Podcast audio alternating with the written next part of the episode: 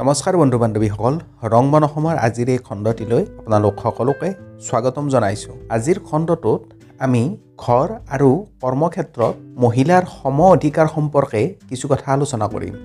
গতিকে মৰমৰ বন্ধু বান্ধৱীসকল আহক আজিৰ খণ্ডটো আমি আৰম্ভ কৰোঁ। বৰ্তমান সময়তো মহিলাসকল গোটেই বিশ্বতে নানান ধৰণৰ নিৰ্যাতনৰ সন্মুখীন হৈ আহিছে। এই নিৰ্যাতন বিভিন্ন ধৰণৰ হ'ব পাৰে। যেনে যৌন নিৰ্যাতন মানসিক নিৰ্যাতন চাইকলজিকেল নিৰ্যাতন ইত্যাদি। আৰু এই নিৰ্যাতিতা মহিলাসকল ধনী দুখীয়া নিৰ্বিশেষে সকলো বয়সৰ মহিলাই হ'ব পাৰে। বৰ্তমান সময়ত কভিড নাইণ্টিনৰ দ্বাৰা ভাৰাক্ৰান্ত বিশ্বত ইতিমধ্যে স্পৰ্শকাতৰ হিচাপে থকা মহিলাসকলৰ অৱস্থা আৰু বেছি বেয়াৰ ফালে ঢাল খাইছে। বৰ্তমান সময়ত আমি সকলোৱে কওঁ যে মহিলাসকলো পুৰুষৰ সমানে সমানে সকলো ক্ষেত্ৰতে আগুৱাই আহিবলৈ সক্ষম হৈছে। হয় এইটো নিঃসন্দেহে সত্য কথা। কিন্তু আমি ভালকৈ চালে গম পাম যে মহিলা নিৰ্যাতন এতিয়াও হৈ আছে। যদিও মহিলাসকলে নিজৰ কঠোৰ পৰিশ্ৰম আৰু অধ্যাৱসায়ৰ জৰিয়তে পুৰুষৰ লগত সমানেই ফেৰ মাৰিবলৈ সক্ষম হৈছে তথাপিও মহিলা প্ৰতি যি নিৰ্যাতন হৈ আছে এই নিৰ্যাতন এতিয়াও সম্পূৰ্ণৰূপে নিৰ্মূল হোৱা বুলি আমি একেমুখে ক'ব নোৱাৰো। এই ক্ষেত্ৰত আমেৰিকা যুক্তৰাষ্ট্ৰৰ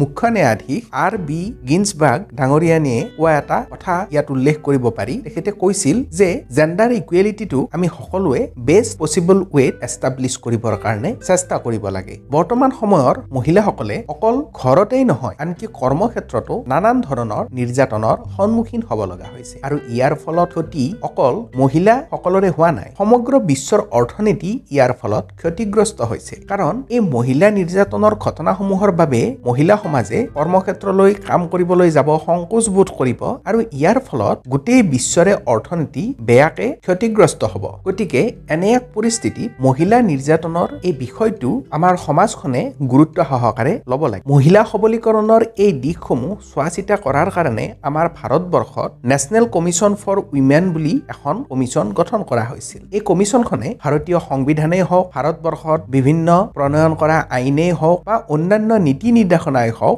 যিসমূহ মহিলাৰ লগত জড়িত এই আটাইসমূহ ৰিভিউ কৰে আৰু ৰিভিউ কৰি এই সম্পৰ্কত নিজৰ পৰামৰ্শ আগবঢ়ায়। এই কমিশ্যনখনে সংশ্লিষ্ট বিষয়সমূহ ৰিভিউ কৰি যি ৰিকমেণ্ডেশ্যন দিছে তাত এটা কথা পৰিলক্ষিত হৈছে যে মহিলা নিৰ্যাতন ৰোধ কৰিবৰ কাৰণে অফিচসমূহত যি এক ইণ্টাৰনেল কমিটি গঠন কৰিব দিয়া হয় এই নিয়মটো বহু ক্ষেত্ৰত অমান্য কৰা হয়। ইয়াৰ উপৰিও কমিশ্যনখনে আৰু এটা কথা পাইছে যে মহিলা নিৰ্যাতনৰ ক্ষেত্ৰত চাইবাৰ ক্ৰাইম এই বিষয়টো অন্তৰ্ভুক্ত কৰাটো উচিত। এতিয়া মহিলা নিৰ্যাতন ৰোধ কৰাৰ ক্ষেত্ৰত প্ৰথম পদক্ষেপ কি হ'ব বুলি যদি এক প্ৰশ্ন কৰা হয় তেতিয়াহ'লে আমি এই ক্ষেত্ৰত ক'ব লাগিব যে প্ৰথম খোজটো আমি ঘৰৰ পৰাই দিব লাগিব। যদিহে কোনো এখন ঘৰ অতিকে শান্তিপ্ৰিয় হয় ইয়াত থকা মহিলা সদস্যবোৰক যথোপযুক্ত সন্মান প্ৰদৰ্শন কৰা হয় তেতিয়াহ'লে সেই ঘৰখন ভাইলেশ্যন ফ্ৰী ঘৰ হ'ব বুলি আমি ক'ব পাৰিম। আৰু প্ৰতিখন ঘৰেই যদি ভাইলেশ্যন ফ্ৰী হয় তেতিয়াহ'লে আমাৰ ছ'চাইটিখনো হ'ব ভাইলেশ্যন ফ্ৰী। এনেকেই আমি এখন নিৰ্যাতনমুক্ত সমাজ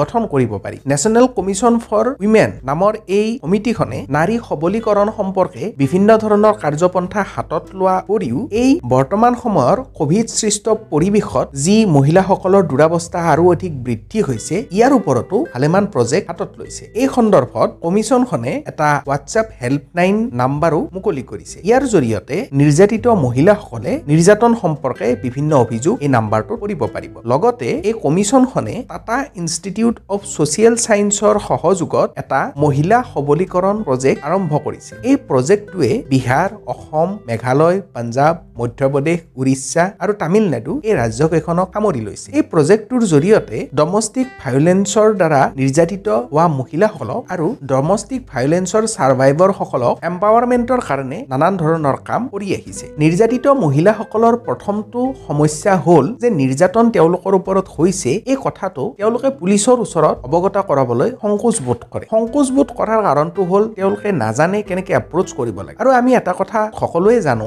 যে আমাৰ পুলিচ সমাজখনো এখন পুৰুষ প্ৰধান সমাজ। গতিকে মহিলা এগৰাকীয়ে পুৰুষ প্ৰধান সমাজ ব্যৱস্থা এটাত নিজৰ মনৰ ভাৱ সম্পূৰ্ণৰূপে ব্যক্ত কৰিব নোৱাৰিবও পাৰে। গতিকে নেশ্যনেল কমিশ্যন ফৰ উইমেন নামৰ এই সংস্থাটোৱে সমগ্ৰ ভাৰতবৰ্ষতে পুলিচসকলক এই নাৰী নিৰ্যাতনৰ প্ৰতি সজাগ আৰু সচেতন কৰিবলৈ জেণ্ডাৰ চেনচিটাইজেশ্যন বুলি এটা কেম্পেইনিং হাতত লৈছে। ইয়াৰ জৰিয়তে তেখেতসকলে ভাৰতবৰ্ষৰ ভাৰতবৰ্ষৰ পুলিচ বিভাগো নাৰী নিৰ্যাতন সম্পৰ্কীয় বিভিন্ন ট্ৰেইনিং প্ৰদান কৰি আহে ইয়াৰ উপৰিও এই ক্ষেত্ৰত নিৰ্যাতিত মহিলাসকলৰ আন এক সমস্যা হৈছে মহিলাসকলৰ বেছিভাগৰে জ্ঞানৰ অভাৱ। তেখেতসকলে গম নাপায় যে নিৰ্যাতন হলে ক'ত কেনেকে অভিযোগ কৰিব লাগে বা লিগেলি কেনেকে প্ৰচেছ কৰিব লাগে এই সম্পৰ্কে তেওঁলোকৰ জ্ঞানৰ যথেষ্ট অভাৱ আছে। গতিকে এই ক্ষেত্ৰত আমাৰ সমাজখনৰ কাম হ'ল মহিলাখিনিক যাতে আমি সেই জ্ঞানখিনি দিওঁ উপযুক্ত শিক্ষাৰে যাতে আমি শিক্ষিত কৰোঁ যাতে তেওঁলোকে গম পায় যে নিৰ্যাতন হলে তেওঁলোকে কেনেকে নিজকে বচাব পাৰিব বা এই সম্পৰ্কে অভিযোগ ক'ত দিব লাগে এই গোটেইখিনি জ্ঞান যাতে তেওঁলোকে আয়ত্ত কৰি ল'ব পাৰে। আৰু ইয়াৰ ফলত নাৰী নিৰ্যাতনৰ হাৰটো যথেষ্ট পৰিমাণে কমি আহিব বুলি ধাৰণা কৰা হৈছে। নাৰী নিৰ্যাতন নিৰ্মূলৰ আন এক পদক্ষেপ হিচাপে আমি ক'ব পাৰোঁ যে আমাৰ দেশৰ শিশুসকলক নাৰী নিৰ্যাতন সম্পৰ্কে আমি সৰুতেই শিক্ষিত কৰি তুলিব লাগিব। আৰু ইয়াৰ বাবে কেন্দ্ৰীয় বিদ্যালয়ৰ সংগঠনসমূহে এখন বুকলেট তৈয়াৰ কৰি উলিয়াইছে যিখন ক্লাছ ইলেভেন আৰু টুৱেলভৰ ষ্টুডেণ্টৰ কাৰণে মাণ্ডেটৰী হয়। এই বুকলেটখনৰ নাম হ'ল major laws relating to women গতিকে ইয়াৰ দ্বাৰা এইটো ধাৰণা কৰা হৈছে যে আমাৰ দেশৰ শিশুসকলে সৰুতেই নাৰী নিৰ্যাতন সম্পৰ্কীয় বিভিন্ন আইন কানুনৰ বিষয়ে শিক্ষা লাভ কৰি সেই সম্পৰ্কে সজাগ আৰু সচেতন হ'ব পাৰিব। শেষত ক'ব খোজো যে যদিও আমি বৰ্তমান একবিংশ শতিকাত বাস কৰি আছো নাৰী সমাজ পুৰুষ সমাজৰ সমানে সমানে প্ৰতিটো ক্ষেত্ৰতে আগবাঢ়ি আহিছে কিন্তু নাৰী নিৰ্যাতনৰ হাৰটো এতিয়াও কমা নাই আৰু আমাৰ গোটেইখন সমাজে এই কথাটো গুৰুত্ব সহকাৰে গ্ৰহণ কৰিব লাগিব আৰু নাৰী নিৰ্যাতন নিৰ্মূলৰ কাৰণে আমি সকলোৱে একেলগে কাম কৰি যাব লাগিব। মৰমৰ বন্ধু বান্ধৱীসকল আশা কৰিছোঁ আপোনালোকে আজিৰ খণ্ডটো শুনি ভাল পালে। অহা খণ্ডত পুনৰ এক নতুন বিষয় লৈ আপোনালোকৰ মাজত অহাৰ প্ৰতিশ্ৰুতিৰে আজিলৈ বিদায় লৈছোঁ। আপোনালোকক বহুত বহুত ধন্যবাদ।